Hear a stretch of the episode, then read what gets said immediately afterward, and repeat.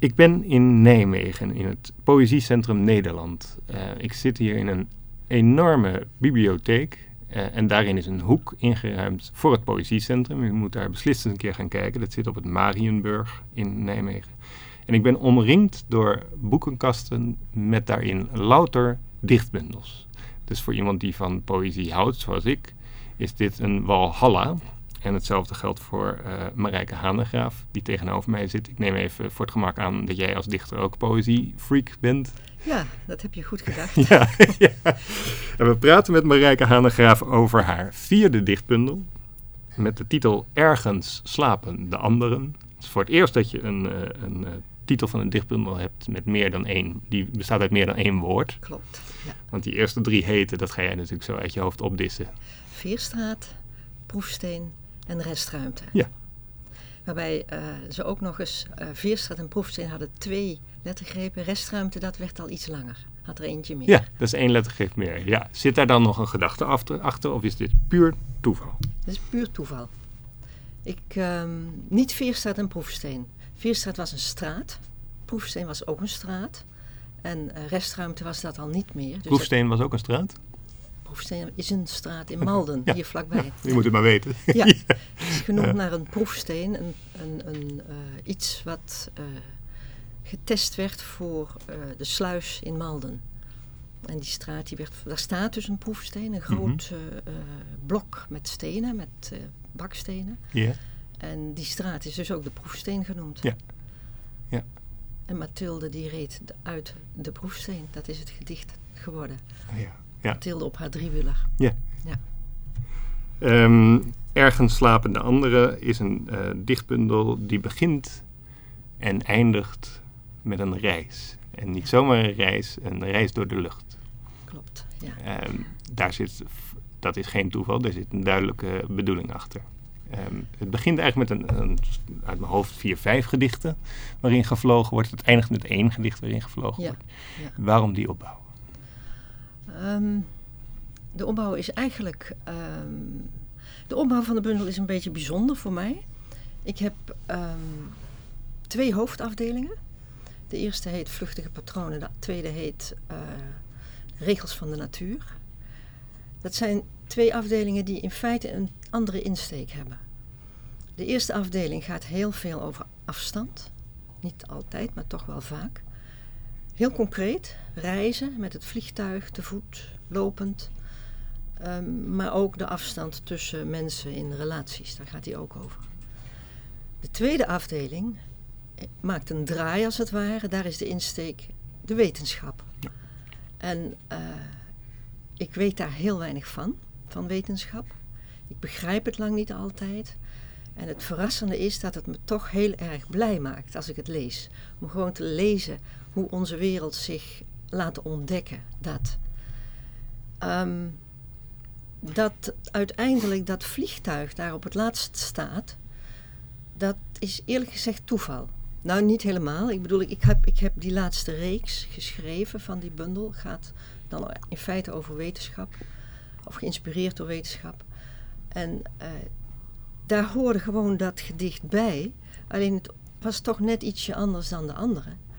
En ik dacht van nou, dat is het slot van deze reeks.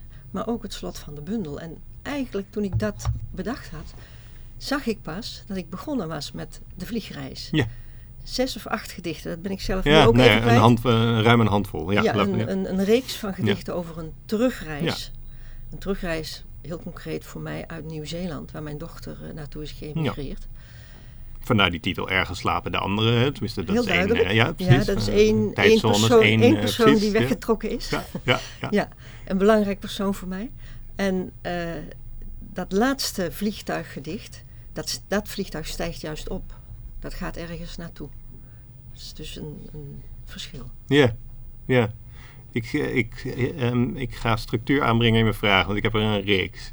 Eerst even over, um, je zegt het tweede gedeelte van de bundel uh, um, het gaat over wetenschap. En ik weet eigenlijk heel weinig van wetenschap, maar je hebt een, een uh, uh, ergens in je verleden gewerkt als analist. Klopt, ja. Als wat voor analist precies? Chemisch. Chemisch analist. Wat, Chemisch doe je, analist. wat doet een chemisch analist? Een chemisch analist werkt, eh, ik, in mijn geval werkte ik bij Organon, dat bestond Ja, toen nog. ja. En, Het maken eh, van de pil, hè? Onder andere. onder andere. Ja. ja. En een chemisch analist, er zijn twee soorten chemisch analisten. De ene die eh, bedenkt nieuwe dingen en de andere die onderzoekt wat er, of de pillen kloppen. Of, Oh ja. of erin zit wat erin moet zitten en of er nog genoeg in zitten. En eh, dat deed ik. Ja. Kwaliteitscontrole. Ja. Maar dan eh, dat, snap je dat ik dan even verbaasd ben als je zegt ik weet niet zoveel van wetenschap. Ik denk, jij weet dus heel veel van wetenschap. Nou, ik, het was een HBO-opleiding, een praktische opleiding dus. En ehm, eh, ik ben geen eh, universitair geschoold iemand. Nee. In die zin weet ik eigenlijk toch heel weinig van, van wetenschap. Eh, je zegt van het trekt aan, die, die, die wetenschap, die wereld. Je, je, hebt, je hebt een HBO-opleiding gedaan, je hebt als analist gewerkt, chemisch analist gewerkt bij Organon. Vervolgens ben je journalistiek gaan bedrijven. Je bent gaan schrijven voor een tijdschrift, Ja. Eh, wat niet meer bestaat. Nee, het bestaat niet meer. nee, het is weg. Echt Is waar. dat zo? Ja, ja. Oh, dat, hebt- ik heb een nieuwtje. Het, je hebt het over uh, tap toe? Ik heb het over het tijdschrift Taptoe. Ach. Ja. ja, die is ter ziele. Ach. Ja. Oh, ik dacht dat je nee, dat dat wist. wist ik helemaal niet. Nee, ik wist, ik wist dat het veranderd was. Ik bedoel, toen ik daar werkte was het een gigantische redactie. Die ging over vier tijdschriften. Ja, Heel veel mensen. want je had de Okkie, de Jippo. Je, Primo heb je, had je ook nog toen. Primo. Primo, Okkie, Jippo, Taptoe. En dat is voor verschillende leeftijdsgroepen waren dit Ja. weekbladen. Ja, ja en, en de grote redactie, grote vormgeving, afdelingen, Ja. is op een bepaald moment heel erg ingekrompen. Toen is het tijdschrift teruggegaan, volgens mij, naar één keer in de 14 dagen. Ja. Maar ik, dat is het laatste wat ik wist. Ja, nou, en wat daar dus nog achteraan komt, is dat eh, eh, het, het tijdschrift is opgegaan in een eh, ander tijdschrift. En dat is het tijdschrift van Freek Vonk. En Freek Vonk, voor mensen die dat niet weten, die eh, worstelt met alligators en dat soort dingen. En dat is een dierenman. Ja, ja. Ja. Die heeft een televisieprogramma en zo. Aha. Maar goed, we blijven hierbij haken, omdat ik dacht gewoon dat je nu zou knikken en zou zeggen, ja, die zijn dus healer, maar je wist dat niet. Nee. Nee. Taptoe is, eh, maar daar heb je lang gewerkt eh, en eh, toen ben je relatief laat gedebuteerd als dichter. Behoorlijk laat. Ik Hoe was oud was je? 55. 55, ja. ja. Dus dat is hoopvol hè, voor veel mensen. Voor veel. Ja, ja. Maar eventjes voordat we, de, want daar komen we straks op, maar eh, ehm, die liefde voor de eh, wetenschap, ehm, kan je daar iets over zeggen? Eh, ik kan me voorstellen dat je houdt van wetenschap omdat het praktisch is, omdat het letterlijk soms ook down to earth is, omdat het is wat het is. Maar je hebt misschien een andere invulling. Het heeft die kant natuurlijk. Het is, eh, het is heel praktisch bezig met, met en heel concreet uitzoeken en, en controleren of dingen kloppen, wat ze bedacht hebben. Ehm, maar het heeft ook iets heel magisch, eigenlijk. Als ik het dan heb over, over dat, eh, wat ik in, in de bundel ook behandel, het Higgs-deeltje, Ja. dan denk ik van ja, waar heb je dat over? Hè? Even naar die serie gedichten over dat Higgs-deeltje. Ja. Want laten we er eens even wat uit gaan pakken, iets concreets. Ja. Eh, ehm, las je dat in de krant? Ehm, hoe, kwam, hoe kwam je erop? Nee, staat ook achter in de bundel Mhm. uitgelegd hoor. Maar ehm, ik zag een documentaire op tv. Het was een ontzettende mooie documentaire. Prachtig. Ik heb je hem ook gezien? Nee. Nou, als die nog eens komt, moet je. Noem de titel even. Noem de titel even. Dan moet ik even. Voor luisteraars die denken, nu ga ik ook kijken. Ja, ja, ja, Hm. ja. Eventjes kijken. Ja. Documentaire heet Higgs, naar het hart van de verbeelding. Een film van Hanny van den Berg en Jan van den Berg. Goed. Dus komt die nog eens? Zeker kijken. Ja. Eh, Jij keek naar die ik documentaire. keek naar die documentaire. Ik raakte erdoor gefascineerd.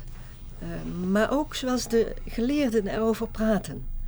Eh, er was een geleerde Stan, een, een Nederlandse man, en die praatte over het Higgs-deeltje. Hij noemde het trouwens de Higgs en dan weer het Higgs. Dus Hm. dat vond ik ook leuk, dat het lidwoord nog niet vast stond. Zo nieuw was het. De Higgs-deeltje of het Nee, de Higgs-deeltje? Higgs. Of, de, Oh. of het Higgs. Oh, Hij oké. had het niet over het Higgs-deeltje. Nee. Ja, soms ook, maar Ja. goed. Ik weet niet hoe dat ondertussen is, want dat was in 2012. Hm. Dat vond ik al mooi. Eh, je had een geleerde Alvaro, een, een Italiaan misschien. En die, eh, had het over een lege ruimte die toch niet leeg was. En eh, nou ja, de manier waarop zij erover praten met heel veel passie. En, en het was echt, echt hun, hun, hun hartebezigheid. Maar het herinnerde mij ook zo ontzettend aan mijn geloof. Mijn oude geloof. De vragen uit... Ik ben, ben uh, Rooms-Katholiek opgevoed. Mensen van mijn generatie, die zijn allemaal, en Rooms-Katholiek, die zijn allemaal opgevoed met de catechismus. Je kreeg op de lagere school. Maar hoe, welk jaar ben jij in de lagere school? Ongeveer? De lagere school is de basisschool. Ja, ja precies. Maar wanneer was dat ongeveer? Um, het, in de derde klas kregen wij de eerste vragen van de, katholiek, van de catechismus en toen was ik tien. Ja. En in de vierde klas kreeg je er vragen bij, in de vijfde klas nog enzovoort. Maar die vragen van de derde en de vierde klas, ja, die, als je iemand, als je begint met zo'n vraag eh, met, bij iemand van mijn leeftijd, dan kan hij die vraag uh, afmaken. Of hij het antwoord weet is een tweede. Mm Maar goed. Het was, uh, hoe dan ook, een, een, een, manier van leren die je na, nou niet meer kent. Uh, zeker niet een geloof. Je leerde het geloof als het ware van buiten. Mm -hmm. dat, deed, dat was wat je deed. En daar kan ik nu heel veel vraagtekens bij zetten. Maar toen was het op zich best wel een houvast. Heb je nog voorbeelden van die vragen? Ja, ik heb, de, ik heb hem bij me. Want... Wat heb je nu in je hand? Ik heb nu in mijn hand de schoolcatechismus. Het is een rood boekje met een blauwe rug. Een heruitgave uit 1997 van de arbeiderspers. En daarin staan alle vragen van die catechismus. En dat zijn er meer dan 500. Hm? En achter iedere vraag staat tussen haakjes voor welke klas het was. Dus ook dat weet ik nu. En de eerste vraag, om daarmee te beginnen, mm -hmm. dat is een vraag voor de derde klas. Dus de, makkelijk, de allermakkelijkste vraag. Waartoe zijn wij op aarde? Ja. En het antwoord is: wij zijn op aarde om God te dienen en daardoor hier en hiernamaals gelukkig te zijn. En dat vond ik toch wel typisch voor de Rooms-Katholieke Kerk, dat je ook hier gelukkig mag zijn. Ja. en nou schrijf jij een serie gedichten over het Higgsdeeltje, waarbij het laatste uh, gedicht uit die cyclus ja. diezelfde titel heeft. Vraag 1, waartoe zijn wij op waartoe zijn wij op aarde? Ja.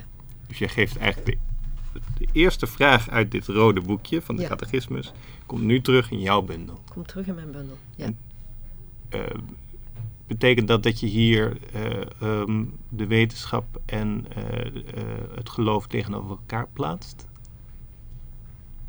Um, ik weet niet of ik ze tegenover elkaar plaats. ik vergelijk ze eigenlijk. En wat, wat, hoe, wat gebeurt er als je die twee met elkaar vergelijkt? Dan gebeurt er nou dat, dan zou je eigenlijk moeten beginnen met die vraag, uh, de eerste vraag uit de cyclus. Ja. Vraag 394. Hoe weten wij met zekerheid wat wij moeten geloven? Nou, best een mooie vraag ook, een beetje dubbelzinnig ook, vind ik. Mm -hmm.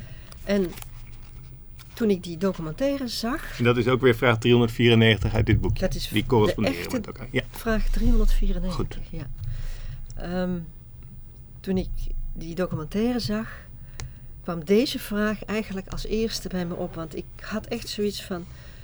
Ze zijn met iets bezig, met dat hiksteeltje. Ze zoeken het, ze hebben het gevonden. En ze weten eigenlijk niet, nog niet zeker of ze het wel gevonden hebben. Zo praten ze erover. Dat was fascinerend. En nu ga ik toch die vraag stellen die ik probeerde te vermijden. Maar kan jij op het allerlichtste niveau even uitleggen wat het Higgsdeeltje is? Zonder dat we nu een hele ingewikkelde. Ja, dat staat hier ergens ook in. Ze hebben gezien dat er iets bestaat dat ons massa geeft. Begrijp ik. Ja. Dat is het eigenlijk. Okay. En als ik in een ander gedicht uh, kijk, daar staat ook iets over in. Um, even kijken welk gedicht dat is.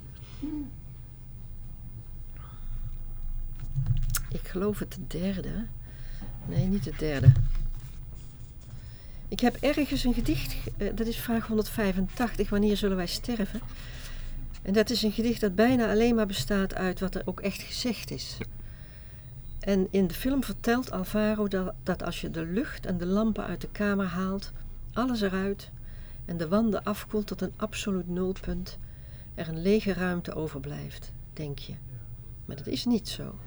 Je houdt een vacuüm over. En het is verbazend genoeg niet leeg. Wat in het vacuüm zit is een soort zee die je in trilling kan brengen. Als het bestaat, zegt Alvaro, vinden we het wellicht.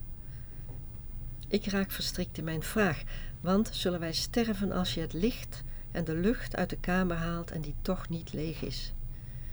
En wat, om hemels wil, gebeurt er dan bij de dood?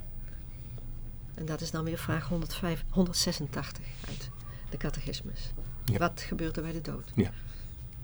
Hier staat ongeveer wat ze eh, ontdekt hebben. Ja. Ehm, hoe weten wij met zekerheid wat wij moeten geloven? Precies. Dat is eh, vraag 394 uit eh, het catechismusboek wat voor jou ligt. Ja, Dat is een fascinerende vraag. ja, Het is een contradictio in terminis. precies. Ja, Want geloven is per definitie niet iets met zekerheid weten en het toch van top tot teen van overtuigd zijn. Ja. ja, precies. En dan ook nog moeten. Ja, hoe, ja, wat wij moeten geloven. Ja, Ja. ja. dat is een, een bijzondere vraag. Kun jij, even, jij vergelijken hoe jij daar eh, in de derde klas tegenaan keek, tegen die vraag, en hoe je daar nu tegenover staat? In de derde klas las ik hem, eh, leerde ik hem gewoon van buiten. Ik dacht daar helemaal niet over na. En ik denk geen enkele leerling met mij. Wij leerden dat van buiten en dat was het. En het antwoord leerden wij ook van buiten en dat was het gegeven. En we begrepen het soms en meestal niet. Ook een overeenkomst overigens met dit, eh, deze wetenschap. Je, we begrijpen het en begrijpen het niet. Ook de geleerden begrijpen het nog niet helemaal. Voelde je er wel iets bij toen, denk je? Of had je was God aanwezig daarbij of was het stampen? Ehm, het was eh, stampen, het was braaf zijn en het doen en een goed punt halen. Dat was eigenlijk alles. En ehm, daar sta ik nu natuurlijk heel, heel anders tegenover, Ja. want dat was je vraag. Ja. Ik denk nu al na over die vraag, zoals wij dat nu eh, bediscussiëren. Dat, daar begint het mee. Ik, ik heb die vraag dat ik denk van, ah, prachtige vraag. Ja. Daar deugt helemaal niets van.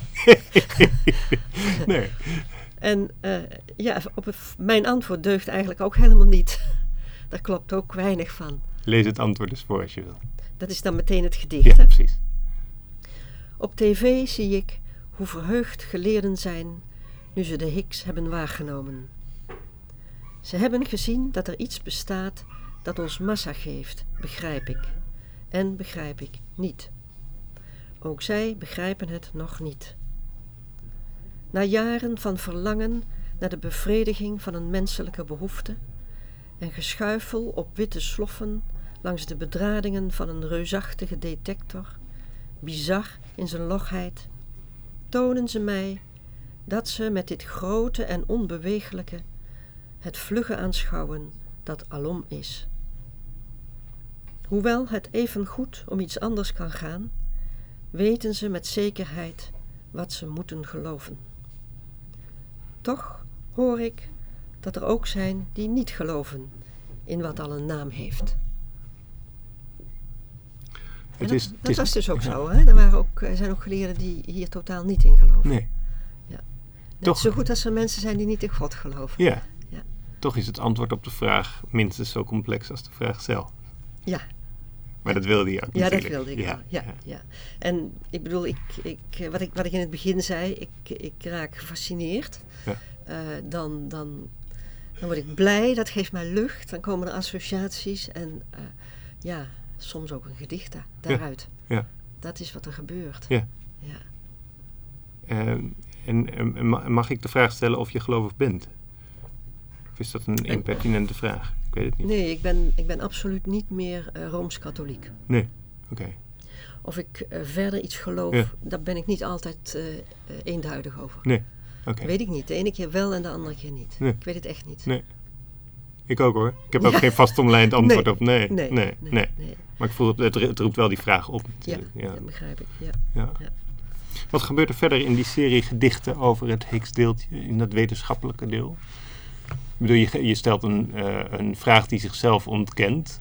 Hè? Ja. Die, dat is de vraag eigenlijk. En vervolgens is een antwoord wat eh, heel bevredigend is in de zin dat het een mooi gedicht oplevert, maar tegelijkertijd heel raadselachtig is. Ja. En wat, Ja. welke kant gaat het verder op daarna? Kun je de lezer even meenemen met, met, de, eh, met de gedichten? de andere De- de- ja. gedichten. Eh, ik, ik maak ze niet wijzer. Nee, ik denk, niet dat, ik denk eerder dat, dat de verwarring groter wordt. Ja. het is ook een heel verwarrend onderwerp, leegte die niet leeg is. Dat is heel vreemd. Ja. Dat is heel erg vreemd. Ja, en, en, en, en eh, even kijken. Oh ja, dat is over die... eh, alles wat je kan zien. Zal ik dat ook nog lezen of niet? Welk gedicht ben je Dat nu? is de volgende, vraag Ja, 403. Waarom moeten wij hopen met een vast vertrouwen? Ook zo'n rare vraag Dus trouwens. het zijn wel wonderschone vragen. Ja? Waarom moeten wij hopen met een vast vertrouwen? Ja. En wat antwoord je daarop? Ja. Alles wat je kan zien, zegt in vertaling een geleerde, beslaat slechts 4% van het universum. Dus zelfs als je de ramen zeemt met zuiveringszout, is het verstandig voorzichtig te zijn met het woord zichtbaar. En zeker als je in de ochtendspits in slagregens door de stad fietst. Dan ben je al blij dat het goed afloopt als men jou even niet zag in de carousel van fietsers. Deeltjes die door een tijdstip schieten. Rem niet, want dat verstoort de delicate voortgang over de kruisingen. De knalrode cape die je draagt verandert weinig aan alles wat jou kan zien. Nou ja, goed. Ik speel ook een beetje met eh, alles wat je kan zien en alles wat jou kan zien. Ja, Eh, want alles wat je kan zien eh, in het huidige Nederlands, kun je daar twee kanten mee op. Ja. ja. Ehm, maar Dus ook God, hè, als je, als je Ja. hè, zoiets, eh, alles wat je kan zien, alles wat jou kan zien. Maar in hoeverre is dit dan een antwoord op de vraag? Ik speel dit even door, hè, dit spelletje. Ja, In hoeverre is dit een antwoord op de vraag waarom moeten wij hopen eh, met een vast vertrouwen? Ja, dat slaat vooral op dat fietsen. Hè?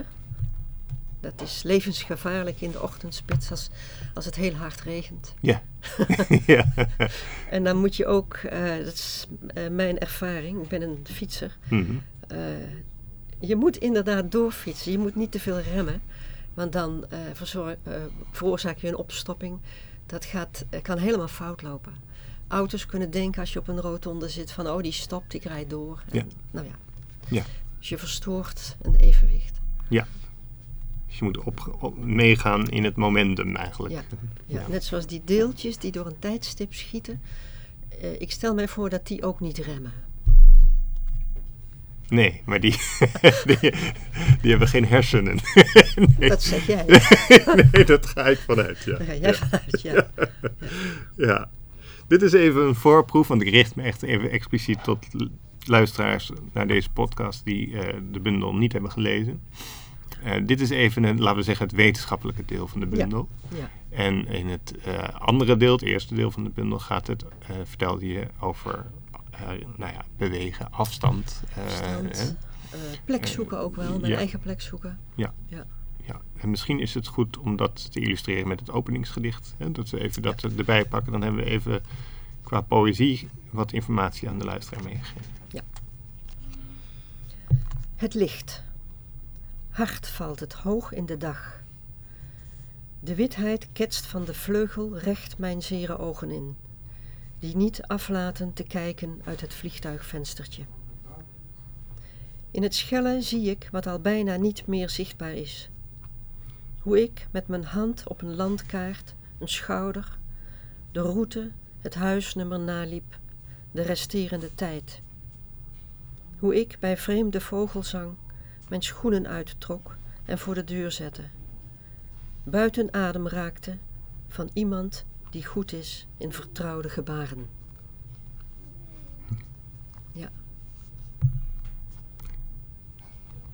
Als jij ehm, zo'n reis maakt naar Nieuw-Zeeland, waar je dochter woont, ehm, heb je dan ook, eh, ben je dan helemaal daar of ben je er ook als dichter? Ik ben er niet als dichter. Ik heb daar eh, niet één gedicht geschreven. Eh, ik heb ook op de hele vliegreis heen en terug geen gedichten geschreven. Eh, ik zat, of het vliegtuig zat al boven Duitsland. Het begon een beetje ochtend te worden en toen inderdaad viel dat, dat licht. Ik, ik keek op de vleugel uit een beetje uh, schel en, en vreemd ook op de vleugel.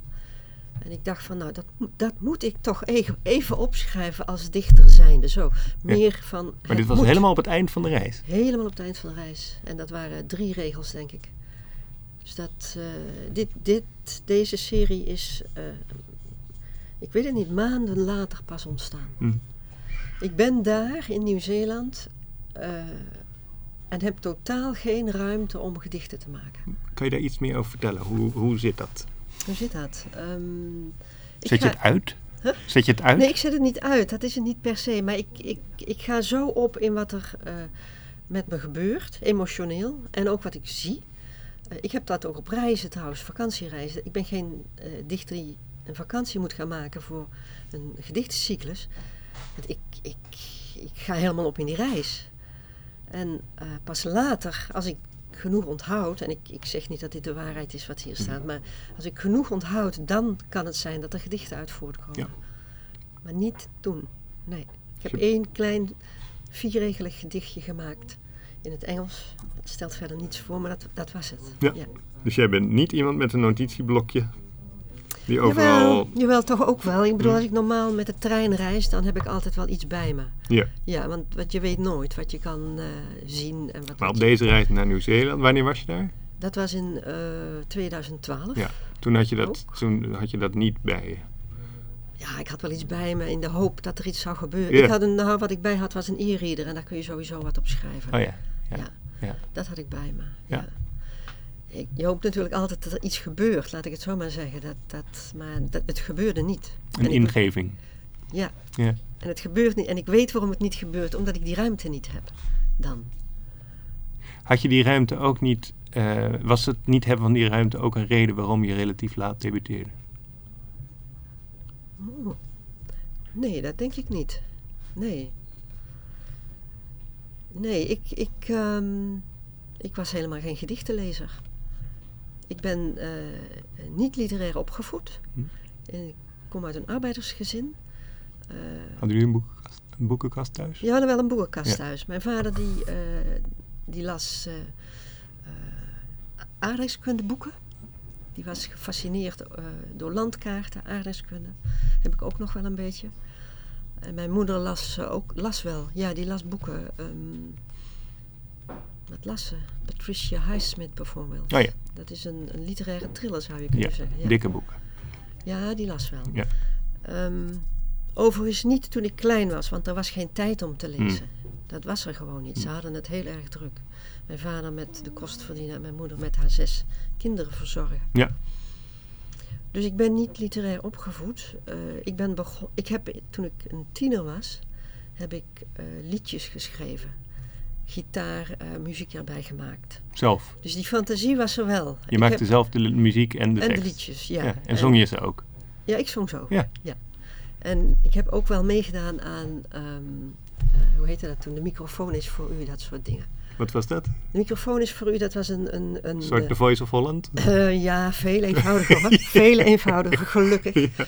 Want ik ben helemaal niet, eh, ik bleek er helemaal niet geschikt voor te zijn. Wat voor liedjes waren dat? Luisterliedjes zou je kunnen zeggen, ja. ja. Dat wel. Beetje Boudewijn de Groot-achtig of zo? Of? Ja, zoiets. Hm. Ja. Oké. Ja. Ja. Ehm, nou, toen ben ik. ehm, ik was wel altijd aan het schrijven hoor. Ik heb toen eh, science fiction verhalen geschreven. Samen met een, een, een vriend die daar de redacteur van Tap toe bleek te zijn enzovoort. Hm. Nou ja, toen ben ik, kreeg ik een dochter. Op een gegeven moment ben ik kinderverhalen gaan schrijven. Eh, af en toe ook een gedicht.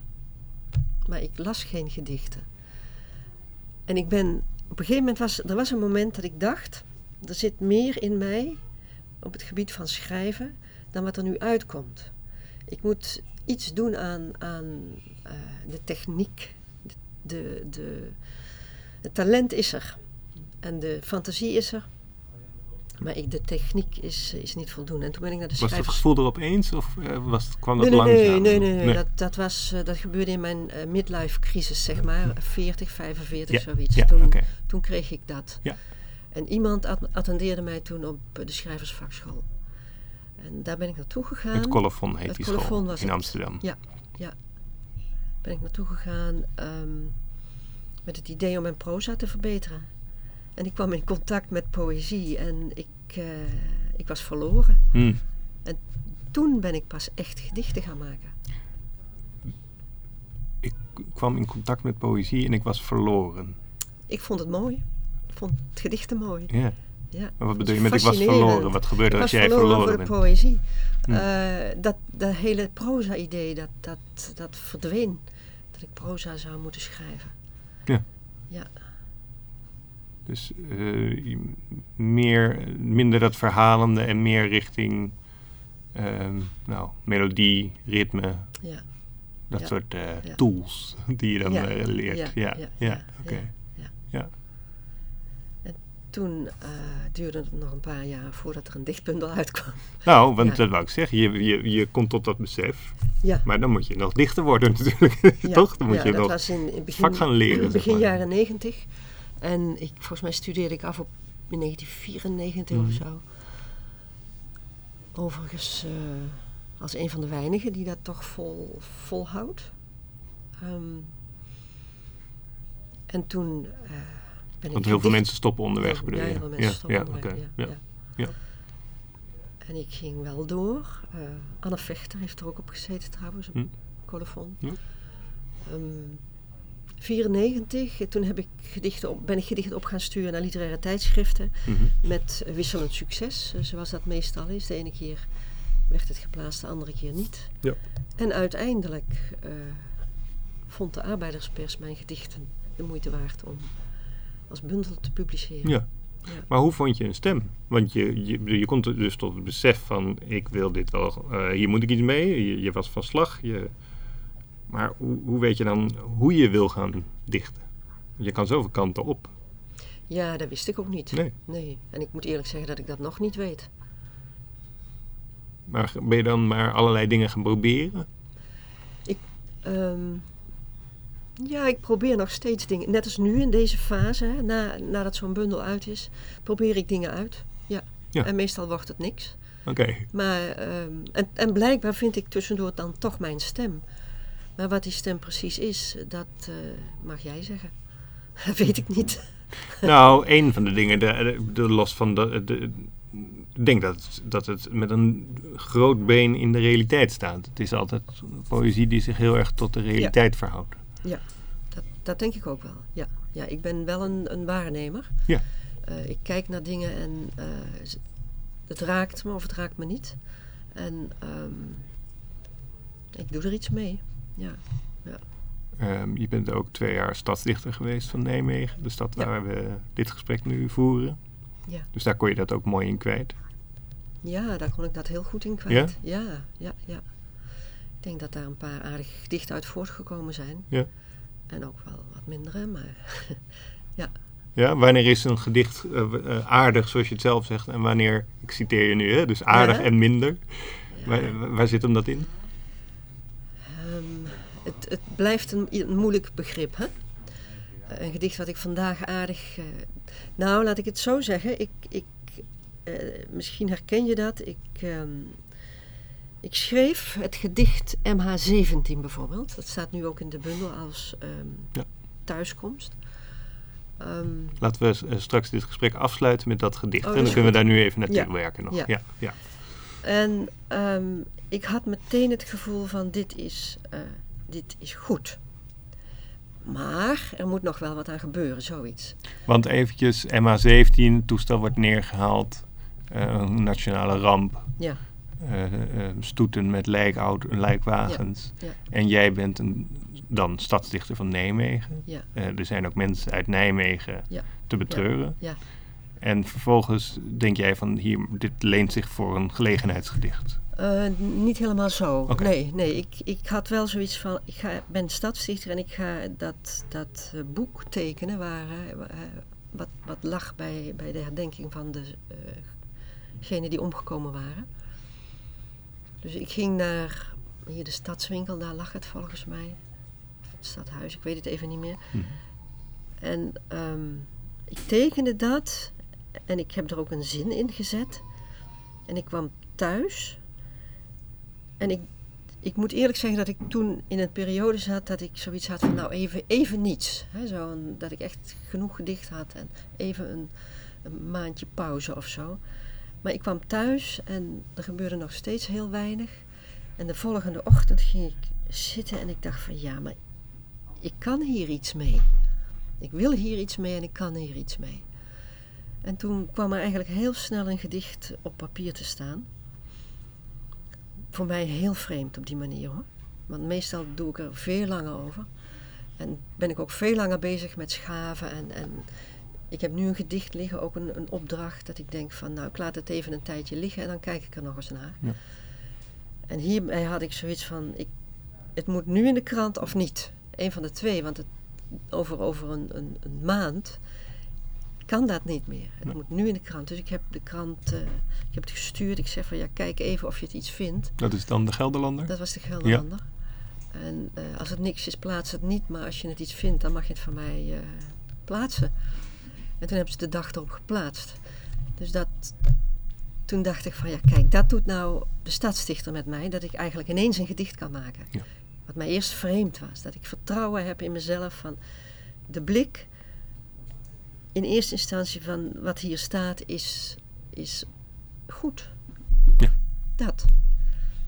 En waarom het dan goed is, dat, wa- want dat was jouw vraag, dat weet ik dan eigenlijk Nee. niet. Dat is misschien ook niet helemaal uit te leggen, behalve dat elk woord en elke zin er staat zoals hij moet staan. Hè? Dat is Ja. ontzettend vaag, maar dat is wel waar ja, ik op dat- neerkom. Dat, dat dacht ik in ieder geval en dat denk ik op dit moment nog steeds. Misschien denk ik over een jaar, nou het had toch iets anders gemoeten of gekund. Ja, En dat, dat blijft, blijft wel. ja. Maar laten we, laten we ook het ophouden dat een deel ook magie is. Ja, en eh, vind ik lang levende magie. Ja, Gelukkig wel, dat we hoor. die hebben. Ja, ja. Dat je Ja. toch ergens een, een, een gevoel hebt eh, dat je daarop kunt vertrouwen. Ja. En zo zijn er ook gedichten, want, want als ik nou die cyclus eh, neem van eh, dat Higgsdeeltje, dat waren acht gedichten. Het zijn er nu nog zes. Als ik, er zijn er, waren er twee die vond ik niet goed Nee. genoeg. Die zijn het niet geworden. Nee, Nee. huppakee, eruit. Ja, ja. weg. Ja. Ik weet ook niet meer waar het over ging. Welke vraag. Ja. Hè, er was een vraag en ik dacht van nou, dit, dit is niet... Dit kan ik niet maken. Nee, Zullen we afsluiten met het MH17 gedicht? dat is goed. Ja. Dan moet ik het even zoeken. Ja. Ehm, het staat in, in de subafdeling halverwege, als ik het goed heb. Oh ja, pagina 35. Thuiskomst. In de bevende verte naderen kisten. En bij de aankomst van de onwetende lichamen stappen op trillende voeten de dragers door, terwijl ze al stilstaan. Of het hun zwaarte kan geven. Ginds spiedt over de velden van juli de wind naar een ongeschonden hart. Hoor de bladeren giechelen als iemand fluistert: Ik zal vinden. De woorden dwarrelen achter de gebeurtenishorizon. Vlaggen tinkelen tegen hun masten, nu uit de muilen van vliegtuigen het verdriet daagt. De kolonne van resten schuift over onze wegen. In de schaduw van gisteren zingen we een requiem om mensen die uit hun hemel vielen toen de aarde hen trof.